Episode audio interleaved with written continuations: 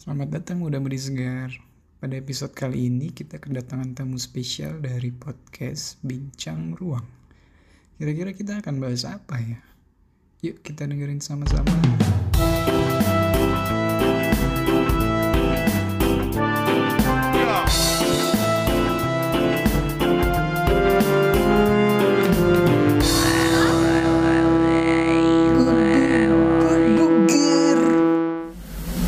Oke, kembali lagi bersama kita di podcast. Sugar. Bu, Buga. Bugar, bugar, bugar. Oke, kembali lagi bersama kita di podcast Bugar ya kan. Kita Yoi.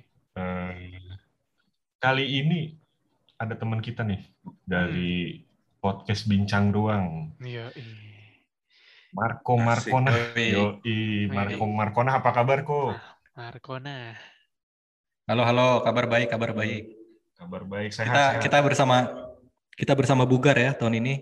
Oh iya. Waduh, Oh iya. Aduh. waduh sekalian. Sekalian kampanye ya. jangan. Jangan, jangan.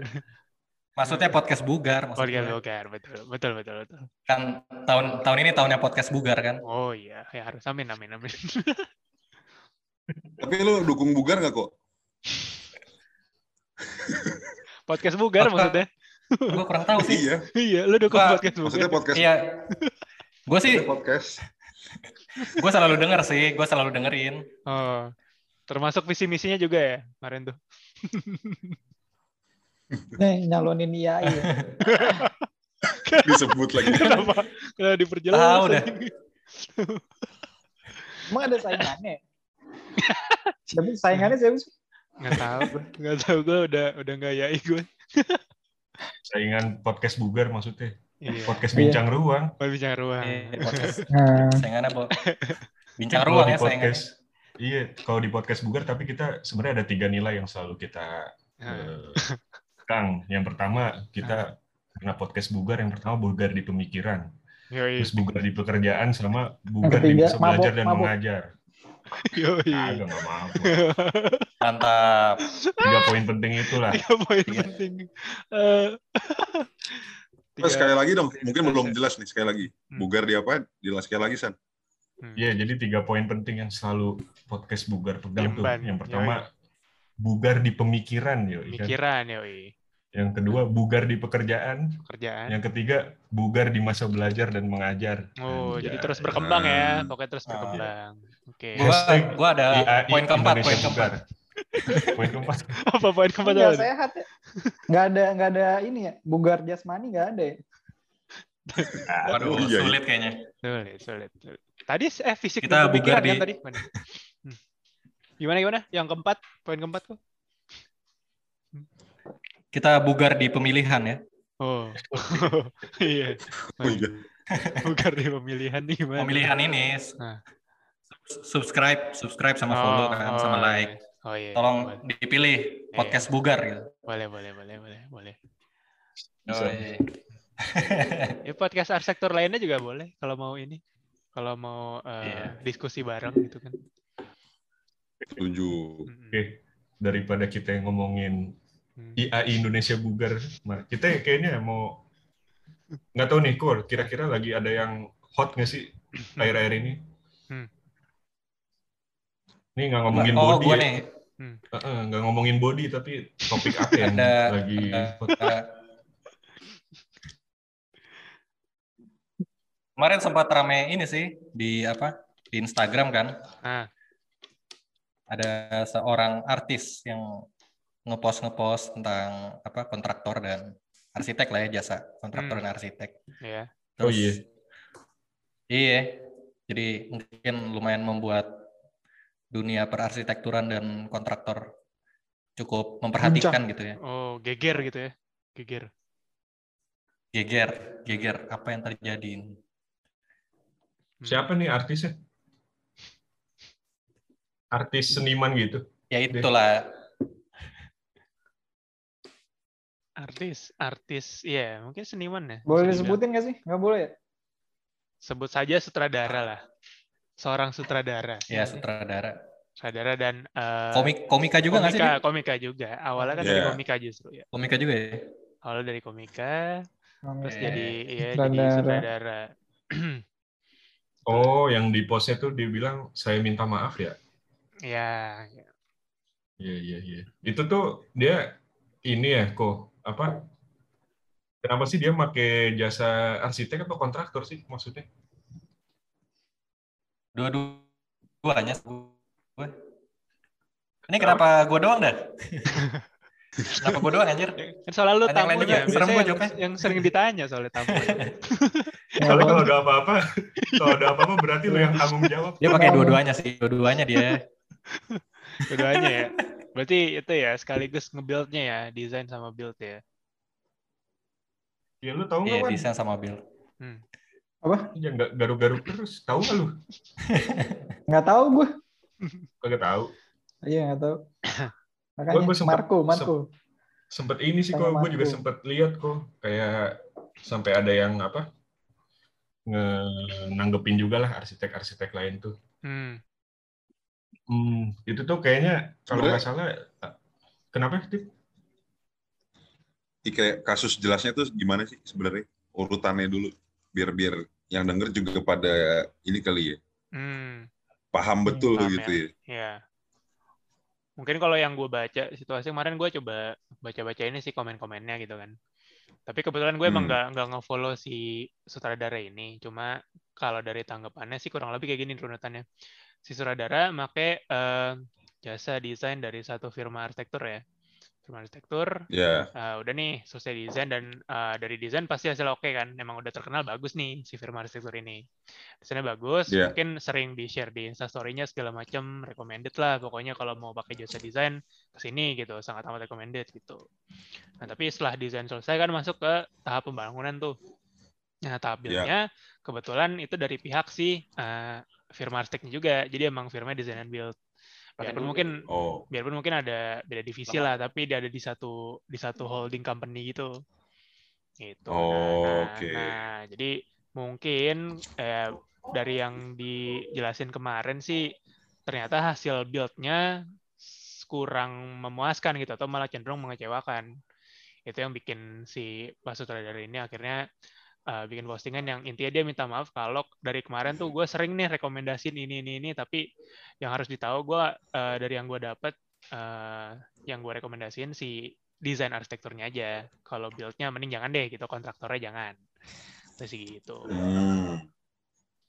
gitu doang sih sebenarnya. Jadi cuma yang bikin heboh sebenarnya mungkin respon dari banyak pihak juga ya karena eh, jadi ngira si firma arsiteknya ini yang juga jelek gitu loh karena kan ada di satu holding company ya itu itu Ya. satu Hmm. terus dua banyak juga yang tadi Sandi bilang mungkin respon dari sesama arsitek yang ada yang bilang sebenarnya kan mungkin ada kode etik arsitek tuh nggak boleh design and build gitu gitu oke ya Terus ada juga yang dari pihak kontraktor juga mungkin jadi ngerasa ada ada harus ada pembelaan gitu kan.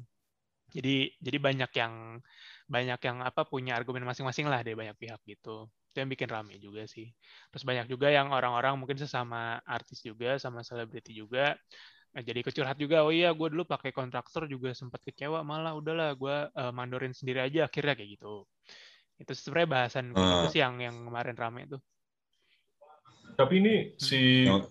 firma ini emang apa si kontraktor ini dalam di bawah firma ini ya? atau dia tuh firma Kalau- kontraktor lain? kalau kalau yang gue ini sih yang di, yang kan si firma arsiteknya ini akhirnya sempat bikin postingan juga kan kayak klarifikasi dan permohonan maaf lah gitu kan buat Hmm. clear buat nge-clearin masalahnya yang dia posting sih emang dia membenarkan bahwa di perusahaannya emang eh, ada desain ada build gitu loh jadi ada yang emang divisi desain arsitekturnya dan ada satu yang eh, lini bisnisnya yang fokusnya di kon- konstruksi alias si kontraktornya ini itu jadi eh, under satu Ada, ada, perusahaan ada tiga, ada tiga ya Win. Oh ya ada satu bahkan ada ada propertinya juga lini bisnisnya. ya Iya, jadi dari dari hulu ke hilir dah tuh pokoknya ya nggak sih dari desain sampai ngebangun sampai ngejualnya gitu kan. Itu iya beli jadi juga ada Iya, jadi juga ada. Mereka kayak kurang lebih kayak gitu sih kalau yang kemarin jelasin. Cuma gua nggak tahu detailnya lebih lanjut sih karena ya mungkin dari gua eh, personal juga gua nggak- udah nggak terlalu berpraktik arsitektur mungkin dari lu pada yang punya tanggapannya. Gimana Wan menurut lu Wan? Kayak ada Sebagai orang- pas Hmm. Ah, itu cuma ini isu doang. ini. Cuma cuma cari viral doang kali itu biar makin terkenal. Bikin isu-isu. Jadi, bahaya. Kan nggak ada lu- Heeh, heeh. nggak ada yang namanya bad apa publication gitu. Bad publication. Iya. Ya kata orang gitu ya, nggak ada yang namanya bad publication nih. Tapi itu Iya, terlalu beresiko sih. Emang pak- makin naik kan. Iya makin terkenal kayak aduh sebut lagi Emang mas, emang tadi tingkat. iya, emang yang tadi lo sebut pernah bad publication juga man. ya bukan bad publication sih tapi kayak isu-isu gitu kan Banyak ya isunya. iya Oke. Tapi Hmm. lu lu kan sekarang berprofesi jadi sebagai apa Wan? Kalau lu mendefinisikan diri lu, lu lebih ke arsitek atau sekarang kontraktor? Kan ya? denger-denger Nggak terakhir pengen ngebangun juga kan? Iya, terus pengen yang ini juga tuh bikin kusen kan. kagak Iya. kusen aluminium aja lo. enggak lah kalau ngebangun mah nggak ada gue nggak nggak ada Ah, Belum ngebangun ya? Lu bukan nge-build juga, Wan? Kemarin. Bukan itu kan gue pakai kontraktor luar oh iya. gue bagus juga sih maksudnya apa mungkin apa ya bukan kode etiknya tapi kalau menurut gue kontraktor sama arsitek tuh kayak check and balance gitu jadi Hmm. kayak kalau ngerjain ada dua sisi yang berbeda jadi karyanya bisa jadi lebih maksimal sih menurut Iya, gue gua gua Jadi kayak check and sih. balance gitu jadi kayak Bener. Bener. eh, kontraktornya jadi kayak kan biasanya arsitek kayak terlalu apa ya terlalu ideologi ideologis Idealis. gitu kan Hmm, maunya idealis maunya Hmm. desainnya yang macem-macem gitu Iya, benar benar. tapi kayak secara realitasnya yang yang yang tahu kan kadang-kadang kontraktornya gitu jadi Hmm. check and balance gitu sih Iya, iya, benar. Betul. Justru ada kalau gitu iya, justru kalau gua pikir-pikir ya malah harusnya firma arsitek tuh ada ada satu tier lagi gitu loh. Misalkan kalau eh tiernya masih yang Madya Pratama dan Utama gitu masih? Kadang-kadang SKA Masih. SKA masih ya? Bayangan Iya. gua tuh justru ada tier yang emang eh, membolehkan ada design and build-nya gitu loh. Jadi maksudnya kalau lu udah bisa design and build justru di tier tertinggi gitu loh karena lu punya kontrol penuh Hmm. akan hasil akhir bangunan lu kan. Iya sih? Hmm. Justru harusnya Benar, ada benar. ada masuk ke strata itunya kalau menurut gue ya karena sepengalaman gue yang bikin proyek kacau yang bikin kecewa justru itu sih desain gue udah oke gue rasa ya dan udah setuju klien ternyata pas dibangun hasilnya mungkin 60 persennya doang sesuai gitu Hmm. itu tuh kan Tapi ada setuju, ada setuju. Hmm. ada isu ini juga Apa? sebenarnya konflik of interest, Konflik of konflik of interest, ya. interest juga. Memang hmm, iya harusnya memang arsitek dan kontraktor harusnya dipisah karena takutnya kontraktor kan mau nggak mau pasti mencari keuntungan dalam proses konstruksinya. pasti pasti Kan? iya Nah, sedangkan arsitek kan dituntut untuk memberikan konsultasi secara objektif di luar Betul. dari dia mau ngambil untung dari proses konstruksinya. Jadi emang Betul. harus objektif. betul Kalau misalnya arsitek terlibat dalam proses konstruksi, nanti ketika dia memberikan saran atau memberikan konsultasi terhadap kepada klien, Hmm, itu akan ada konflik of interest karena ini pakai material ini aja. Nah, klien nggak tahu kalau arsiteknya udah punya ngambil uh, berapa persen dari material tersebut. Berarti kan Hmm. dia tidak objektif dalam memberikan saran memakai memakai material ini gitu. hmm, hmm. Jadi yang yang ditakutin sebenarnya seperti itu kayak is- istilahnya kayak kalau misalnya dokter, dokter dokter spesialis mata, Iya. tapi lu sekalian sebagai penjual obat mata gitu. Hmm, hmm. Nah, nanti orang yang sehat juga dibilang sakit kan? Karena dia mau jual obat mata gitu. iya iya sih Ada konflik of interest di situ. Sama Iya. seperti kayak dia pengacara, tapi dia juga sebagai pembuat pembuat hukumnya gitu, Hmm. menciptakan hukumnya. kayak Oh. ini ya kayak kayak tukang tambal ban juga ya tukang tambal ban ini kenapa Iya, Tebar iya. paku. Kayak Tebar paku. tambal tebar ban. paku. Kalau itu mah udah kriminal sih jatuhnya. Udah kriminal, udah udah bukan konflik interest lagi. Tapi kalau masuk ke kalau masuk ke tadi ke perumpamaan lu kok bisa aja gini sih kalau emang rumah sakit sama yang jual obat, kan rumah sakit juga ada apoteknya ya.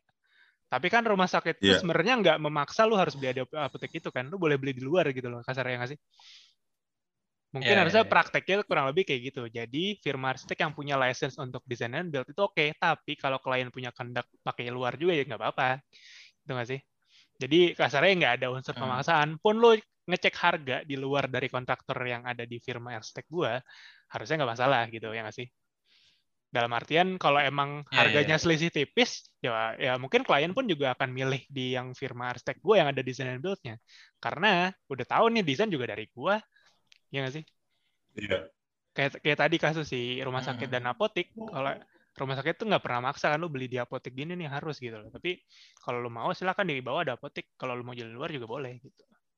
Harusnya kan lebih memudahkan ya. Jadi ya Tapi- prakt- hmm, prakteknya mirip-mirip sih. Kalau emang orang sakit rumah sakit terus ngecek apotik bawah ternyata oh nggak ada nih produknya gitu ya. Lu bisa naik lagi misal tanya ke dokternya konsultasi lagi misalnya kayak gitu kan.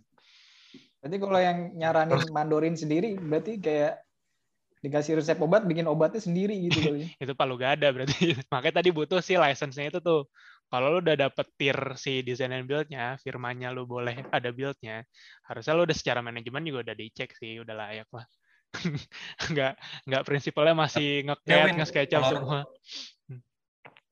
gimana gua Kalau rumah sakit kan sebenarnya fasilitasnya, tapi Hmm. lebih ke dokternya sebagai orang yang dipercaya untuk memberikan konsultasi secara objektif, bukan rumah sakitnya. oh iya Rumah si- sakitnya hmm, fasilitas tempat si dokter itu bekerja kan. hmm, hmm, hmm. si si arsitek Tapi- design and build ini juga yang ngekonstruksiin ngemandorin bukan dia kan ada orang lain kan tapi under satu perusahaan kan orangnya nggak satu. Iya, iya, Lu makanya mau, abu-abu mau- sih sebenarnya. Iya, lu mau delegasin ke siapa aja yang mandor siapa justru harusnya emang nggak satu orang. Arsitek sendiri yang ngekontraktorin sendiri, tapi dalam satu eh, company maksud gua kayak gitu. Kita di dokter Satu dan- naungan. satu naungan iya. untuk Satu memudahkan payung ya. apa? Untuk memudahkan koordinasi. Tujuannya biar meminimalisir hasil akhir yang mengecewakan gitu nggak sih? Kan sebenarnya konflik of interest tadi kan Iya, iya, iya, intinya iya. buat buat eh, apa ya? Objektifnya lebih ke klien kan biar biar pengguna jasa arsitektur nggak dirugiin kan ya. Biar nggak bayar terlalu mahal kalau tadi yang konflik of interest. Kalau emang tujuannya buat melindungi customer atau pengguna jasa ya menurut gue harus dipikirkan juga hasil akhir bangunannya sih. Kalau kalau menurut gue sih, mungkin gimana kalau menurut yang lain? Hmm. Kalau Steve gimana Steve? Eh, nah, gua nggak tahu sih ya kalau memang memunculkan konflik of interest, eh, balik lagi ke masing-masing desainer juga sih. Hmm. Tapi kalau kalau gue ngeliatnya dari sudut pandang eh, bisnis ataupun eh, ge- ya ngomong dari bisnis dulu lah ya. Kalau menurut Hmm. gua bisa dibilang sebenarnya sah-sah aja. Asalkan bener-bener kalau bukan dari satu orang yang sama. Jadi kalau misalkan emang dipecah jadi dua dua PT atau dua badan, menurut gue fine fine aja. Jadi kayak job desk-nya eh, jelas gitu kan. Hmm, hmm. Dan eh, banyak banyak eh, banyak unsur positifnya juga kayak tadi. Menurut gue satu yang Edwin sampein, Hmm. eh, lu jadi punya banyak cara buat kontrol desain lu. Lu bisa dapat hasil yang lu mau. Kedua, lu bisa mempermudah komunikasi sama eh, koordinasi di lapangan gitu. Cuman menurut gue yang nggak boleh dilupain itu Hmm. adalah gimana caranya supaya hasilnya ini tuh eh, quality-nya terkontrol. Iya betul.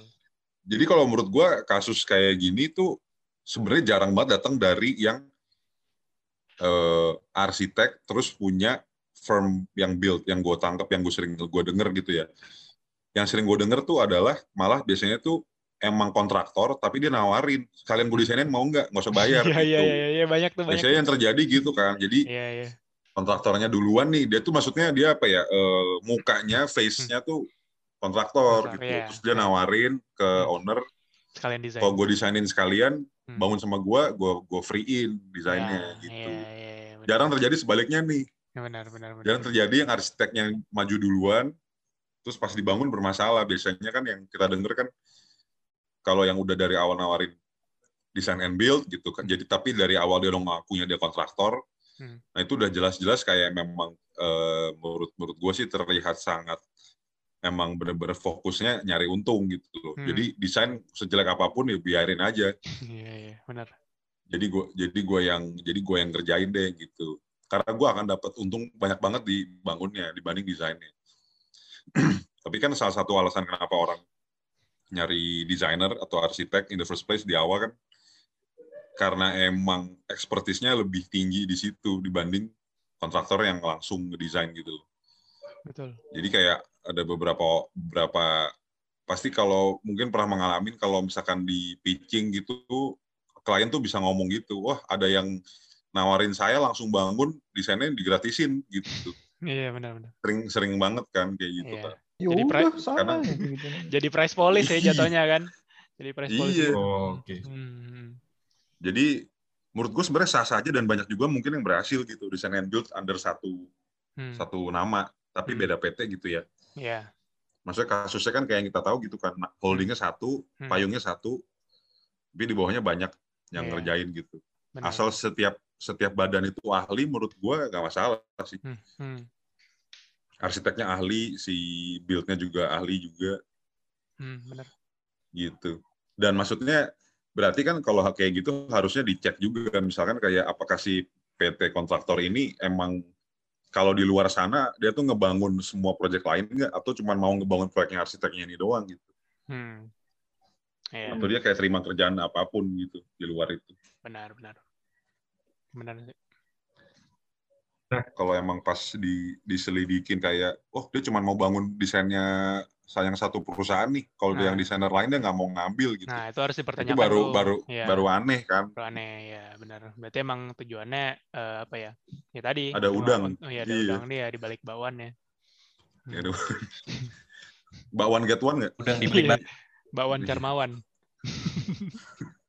Carmawan. Ngomong-ngomong nih ya, berhubung mau habis. eh ini gak? Ada yang pernah punya pengalaman nggak bekerja sama kontraktor nih, tapi kalian sebagai arsitek, Hah? terus hasilnya jauh lah sama desain gitu. Pernah nggak kayak gitu? Misalkan contohnya nih, eh, kontraktor bikin dinding, tapi batanya dicat dulu baru disusun gitu. celup ya, batu celup. kebalik dong Iya, pernah, pernah, pernah mengalami hal-hal gitu nggak? Atau talangnya Selama dipasang dulu baru berarsitek. dilem ya.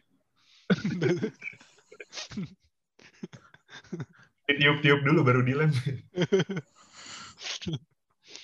Gua eh coba. dari dari siapa dari Wawan kali kan baru bangun Iya. proyek tuh kan Iya. tuh. Baru bangun Atau mereka Marco. apa bangun Iya. tidur. iya Nggak ada sih gue nggak pernah. Wow, selalu lancar berarti mana? ya? Aman ya? Selalu sesuai sama desain lu ya? Iya. Iya baru satu juga bangunannya. oh, yang dulu dulu Oh, yang yang kantor itu. banyak. Dari kantor nggak dihitung mana berarti ya? Misalnya Ya, bikin, ada sih, tapi bikin sesuai, tangga sesuai. gitu. Oh, sesuai. Bikin Oh, tangga tapi salah Kelihatannya tangganya. sesuai. Berarti emang udah pro Sesuai ya. banget ya. Soalnya yang di Iya. di kantor juga kayak kontrak putus gitu. Per proyek ya. Dia jadi per, Hmm. apa, di desain dulu terus kontraktornya belakangan gitu setahu gue. Jadi kayak pas Oh, Oh, sudah iya. setahun tiba-tiba udah jadi aja. oh iya. Jadi kan iya. kita nggak ada supervisi juga. Oh gitu. Wah, jago juga ya berarti. ya. Yang Papua banyak. itu loh. Hahaha. yang apa Itu gimana sih yang Papua? Kayaknya lu dulu Papua. juga itu deh. Iya. Ini boleh ngomongin gini kan sih? Boleh kayaknya. boleh boleh aja kayaknya Kan nggak disebut kan firmanya. Kecuali lo keceplosan lagi. Iya. Ada, yang ada yang ini nggak? yang Jadi kalau nggak ada masalah udah nggak usah lanjutin deh. Iya. Nyari nggak ada masalahnya lah. Candaman, candaman. Nggak ada ya, berarti lancar-lancar semua ya. gue Marco pernah ada satu dulu Oh, Steve gimana? ya gue gue persingkat aja kali ceritanya ya Hmm. ya sebenarnya eh, sebenarnya kalau mau ngomong apa sih kayak mencari badan gitu entah yang ngedesain atau yang ngebangun kan pasti orang lihat lihat track track recordnya lah mesti bagus nggak perusahaannya Iya. benar. portfolionya kan maksudnya eh, lihat bangunannya pernah bangun apa desain pernah desain apa gitu kan Hmm. dan eh, secara nggak langsung kan eh, sebenarnya owner pun bisa menilai gitu loh setelah tahu semua itu nah jadi I mean kayak mungkin salah satu orang milih desain and build kan gara-gara kepraktisan kali ya jadi kayak Iya. nggak mau ribet lagi aja Iya. gitu Benar-benar efisiensi juga Misalnya- Sekalian aja sekalian gitu. kalian. iya nggak nggak ada waktu atau gimana gitu ya terus ada juga jadi ya ada juga yang tetap orang yang stick to the to the plan kayak misalkan ya udah gue tetap cari desainer dulu, kontraktornya sendirian lagi, ya udah. Tapi ada juga kasus yang desainernya keren, tapi Hmm. dibangunnya pakai tukang asal juga ada biar Iya. murah, Iya benar. kayak pakai pakai man- mandor Iya. gitu. Iya borongan lah tuh. Atau enggak ya ownernya yang yang turun tangan sendiri. Jadi Iya, gue iya. yang ngepalain tukang gue. Gue Tukang, eh, gue iya. pernah Hmm. pernah ada case-nya kayak gitu sih dulu. Benar. Jadi benar. kayak eh, eh, jadi karena emang ada kontraktor yang resminya, Hmm.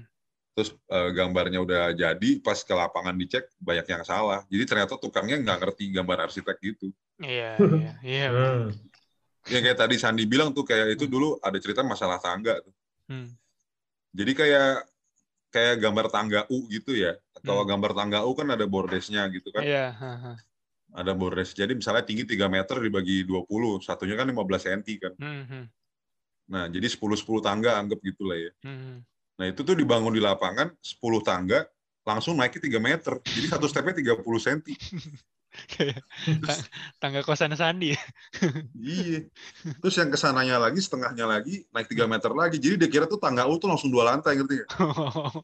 Iya iya. Bukan iya. satu lantai, kayak gitu. Oh iya iya. Itu salah satu yang, yang karena nggak bisa baca gambar gitu. Benar benar benar benar.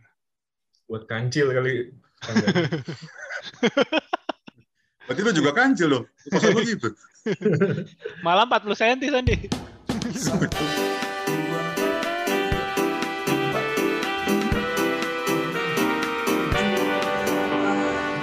Kalau bentrok antara bentrok sama kontraktor sering sih, sering Hmm. sering terjadi. Hmm. Karena ya kontraktor kan punya kepentingan sendiri, arsitek punya kepentingan sendiri. Hmm. Terus Benar. mungkin juga kadang arsitek mungkin desainnya secara teknis kurang bisa diterapkan gitu, jadi ada kontraktor juga memberi masukan. Hmm. Sedangkan kalau kontraktor biasanya kan kepentingannya mau cari cepat atau mau cari gampang gitu ya, supaya mungkin bisa menghemat biaya waktu tukangnya atau apanya. Hmm. Jadi biasanya, Pak kalau gini aja bisa nggak? Ya kita, Ya. ya kan kadang-kadang sering kayak gitu dan ya dari arsitek mungkin bisa mempertahankan sampai akhirnya nanti ketemu titik tengahnya di mana gitu yang yang ideal untuk Benar benar. bagi kontraktor ide enak, bagi arsitek juga enak. Biasanya sih kayak gitu sih Hmm. bentrok. Iya Hmm. Dan dan ya sering terjadi sih kayak gitu iya. biasanya. Contohnya apa kok? Untuk detailnya, detail Contoh kasusnya. detail kasusnya apa ya? Banyak lah, lupa gue jadi saking banyaknya. Banyak kan lupa. Iya iya. Kayak tadi contoh kalau Steve misal sih dari bordes tangga itu kan ya. Oh kadang-kadang misalnya eh, DPT nih, DPT Hmm. dinding penahan tanah. Hmm. Mungkin secara secara de- secara denah lebih enak DPT-nya agak nekuk-nekuk gitu. Iya. Supaya Hmm. bikin bentuk ruangannya lebih enak kan gitu. Arsitek maunya ruangannya lebih enak. Iya. Tapi dalam hal misalnya semi basement ya yang ada DPT-nya gitu. Iya. Dinding penahan tanah. Hmm. Arsitek maunya D- eh, ruangannya membuat DPT-nya jadi tekak-tekuk tapi dari kontraktor teknis enaknya DPT lurus aja gitu kan. Iya. Ngecornya lebih gampang. Hmm. Gitu-gitu sih paling contoh-contohnya. Benar. Oh. Lu pernah minta Iya, DPT iya. tekak tekuk?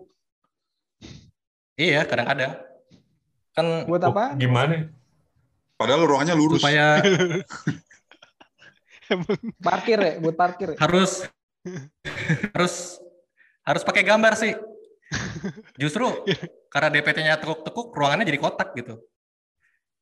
Oh. Karena ruangannya kan nggak, karena ruangannya nggak ruangan Oh ada iya. iya. gitu. Gue ngebayanginnya lu bikinnya zigzag gini anjir. Kagak, kagak, kagak. Emang bikin Kalau gue juga marah sih jadi kontraktor. Ngapain sih anjir? emang sekedar gitu. iseng. Ini contohnya, Emang sekedar iseng aja. ya gitulah, kira-kira. Iya, iya, iya. Banyak gitu ya. Tapi Cuman- dari dari dari apa? Gimana gimana? Gue sebenarnya jadi kepikiran sih setelah ngobrol sama kalian kan, gue satu Hmm. orang yang mungkin Jadi kita ide- ngasih pencerahan. Nah, dan- Iya iya ngasih ngasih pencerahan.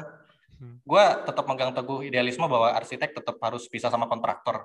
iya. Tapi dari pembahasan-pembahasan kalian ternyata memang mungkin ada positifnya juga kalau misalnya digabung di bawah satu payung gitu ya. Hmm. Iya. Hmm. Cuman yang gua pikirin tuh mungkin agak agak ngelebar sih Iya. gua mikirnya. Gimana gimana? Ini kan masalah arsitek dipisah menjadi kontraktor itu kan masalah kode etik ya, Mhm. masalah Benar. peraturan. Hmm. Cuman gua kepikiran jadi sejauh seketat apa seketat apa peraturan harus dibuat, tapi juga tidak tidak eh, membatasi membatasi hal ini gitu. Kalau di kode etik sebenarnya Gimana tuh? ada salah satu butir bunyinya eh, arsitek eh, harus menerima pekerjaan sesuai kualifikasi sih. Kualifikasi. Berarti eh, SKA-nya, ya, sertifikasinya ya. Nggak tahu secara skill atau gimana ya. Iya. Agak bingung juga. Kalau- Tapi kalau kalau skill, ah. misalkan kayak tadi Hmm. yang Steve bilang gitu dalam satu naungan dia punya arsitekturnya eh, apa arsiteknya ada kontraktornya Hmm. nah itu nggak tahu itu kan juga sesuai kualifikasi ya Iya, makanya atau sebenarnya gimana ya kalau kualifikasi dari skill susah dinilai sih parameternya. ya. Subjektif banget Iya, benar. sih. Iya, makanya makanya menurut gua adanya ser- eh, sertifikasi atau strata tadi kan buat biar jelas kan tier-tier Hmm. parameternya itu kan penilaiannya tuh dari apa sih? iya Gua pernah sebenarnya-? Gimana? Gue jadi mikirnya kayak kan sekarang nih peraturan sangat ketat sehingga orang yang mau jadi arsitek itu harus memang terkualifikasi kan. Hmm,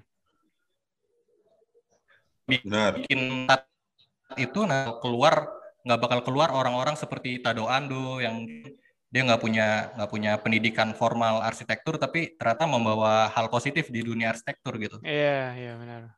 Benar. Betul. Ngerti nggak maksud gue? Maksudnya kalau peraturan terlalu kalau peraturan terlalu terlalu ketat Hmm, peraturan terlalu ketat itu juga membatasi membatasi munculnya kreativisme yang mungkin bakal mendobrak industrinya. ya. mendobrak cara-cara lama gitu. Iya, Gua- gua mendobrak cara-cara lama. Iya, betul betul. Gue setuju sih. Itu- gua, gua, gua jadi kepikiran. gara-gara putus-putus kayaknya di gua juga juga bawa putus. Bisa lagi. sisi negatif anjir. Gimana gimana Wan? Sisi negatifnya Tadawando gimana Wan? Poninya ganggu. Sebenarnya-. Sama fisik. Malah Sebenarnya bukan cuma tadoan. Kenapa kok? Sebenarnya kalau lu cek-cek, Hah? sebenarnya bukan bukan cuma Tado Ando. Nah, Kalau kalau lu cek, kalau lu Kenapa kalau kita kalau cek? lu cek itu arsitek-arsitek terkenal lain juga banyak yang yang sebenarnya nggak ada pendidikan formal arsitek gitu. iya iya iya. Hmm. iya.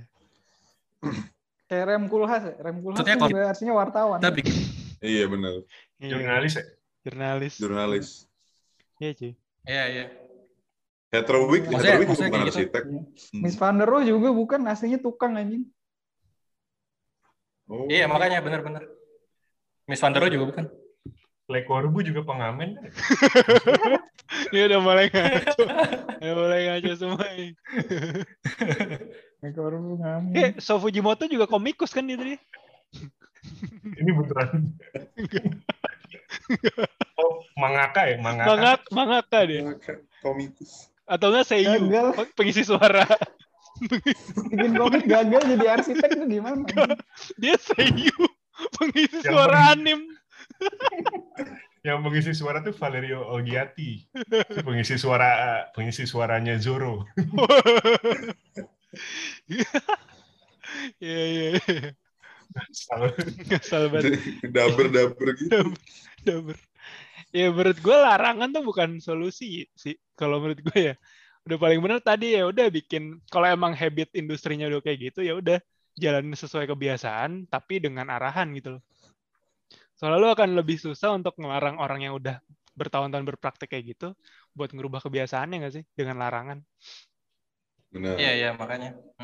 Kalau Mereka kayak justru ini ya dipatenin dipatenin apa, iya. standarnya, standarnya. Tadi kan kualifikasi sebenarnya kata kuncinya ya. Ya udah ada kualifikasi arsitek yang boleh nge-build juga. Dan berarti kan penilaiannya bukan dari skill doang tuh, baik dari manajemennya, baik dari kode etiknya juga gitu kan. Ini kalau pandangan benar, gua iya. sebagai orang awam juga ya. Tadi mungkin udah di dan- kas- kasta tertinggi tuh arsitek yang boleh nge-build juga yang firmanya boleh nerima build. Ya dan balik lagi ke Karena memang demand-nya Hmm, demand benar, benar.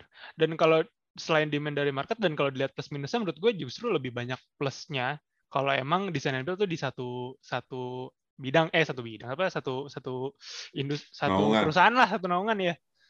Benar Gue juga Karena- setuju tuh. karena ya tadi bagian dari kan lu arsitek sebenarnya tugasnya bukan cuma ngedesain kan memastikan bangunan yang lu desain sesuai dengan apa yang terbangun nantinya ya nggak sih? Iya. harusnya berarti kerjaan kontraktor juga tanggung jawab Ya, ya, arsitek ya. ya, kan? Kalau di di di atas kertasnya. Kalau sejauh ini kan di controllingnya tapi kalau yang lu kontrol dari pihak luar kan lu nggak punya kekuatan penuh lah kasarnya ya nggak sih? Tapi sebenarnya Iya. kalau arsitek gabung kontraktor bukan arsitek anjing namanya. pemborong Jadi Jadi pemborong anjing namanya. pemborong pemborong. Iya, anjing. pemborong kalau namanya Bukan sekarang arsitek anjing. ya karena namanya masih sekarang pemborong tuh Belum Design dikasih nama. Bukan nama ya Makalar proyek ya, makalar proyek. makalar proyek ya karena belum tersertifikasi Jadi Iya, kalau yang Itu- belum tersertifikasi. Itu namanya pemborong gara-gara dia ngeborong gitu ya. Ngeborong kerjaan gitu. Oh, iya, palu gada gitu. Semuanya Pemborong semua. dikerjain. Pemborong. Iya, iya, iya. Bukan arsitek. Bener, Wawan. Iya bener, Bang. Tapi gue kalau denger pemborong ngapain, inget ngapain musing ngapain musing-musingin arsitek boleh ngambil kontraktor apa enggak ya ya bukan arsitek namanya kalau kayak gitu anjing nggak usah dipusing-pusingin anjir Namanya udah beda ya. iya bukan arsitek anjing pemborong itu Jadi kayak super apps ya.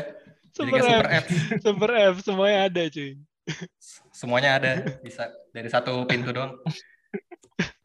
Bikin aja kode etik pemborong ya. Kedua itu pemborong. Yang khawatirin kalau kayak gitu takutnya jadi terpusat ke satu pihak doang. Jadi yang kaya makin kaya, yang miskin jadi miskin kan. Yang nggak Iya. dapat proyek nggak dapat proyek. Repot Yang- ngomongin ginian. Yang dapat proyek semua. berbeda Tapi kalau itu pasti, sosial Iya benar. Iya. tapi itu pun nggak ada itu Jadi kesenjangan terjadi. sosial anjir.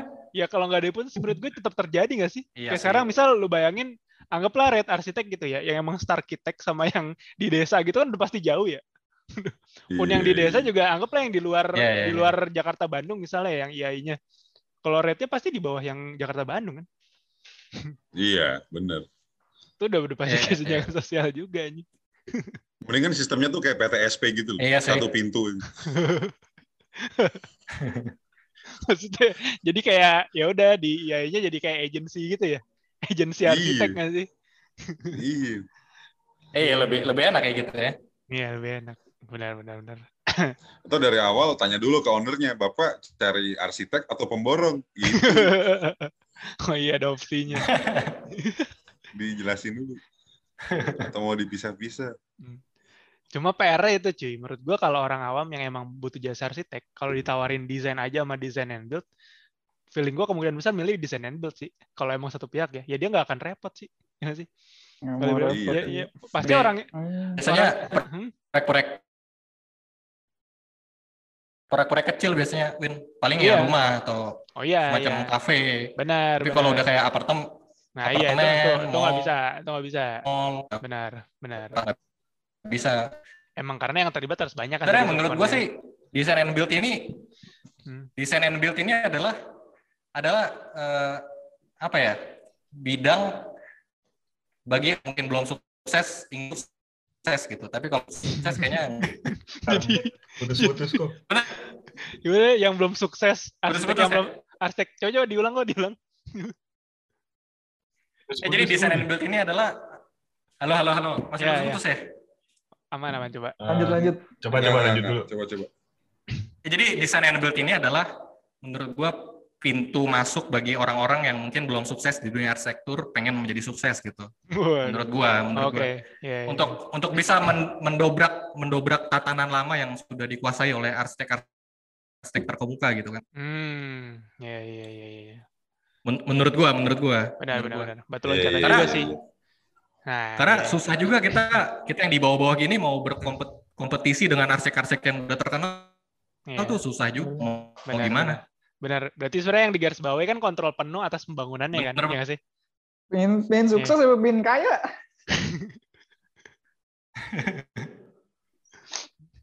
Ya mungkin dua-duanya sih ya. Atau ya itu kayak kan bonus ya.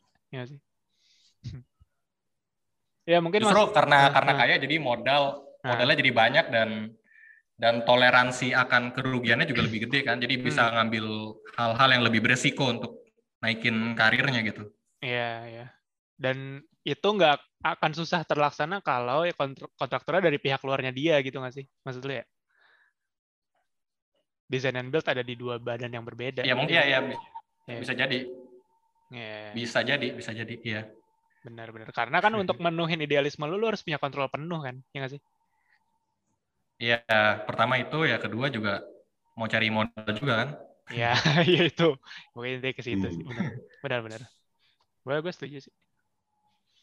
Soalnya kita yang modalnya cuma 100 juta yang sama yang modalnya satu miliar tanya gitu.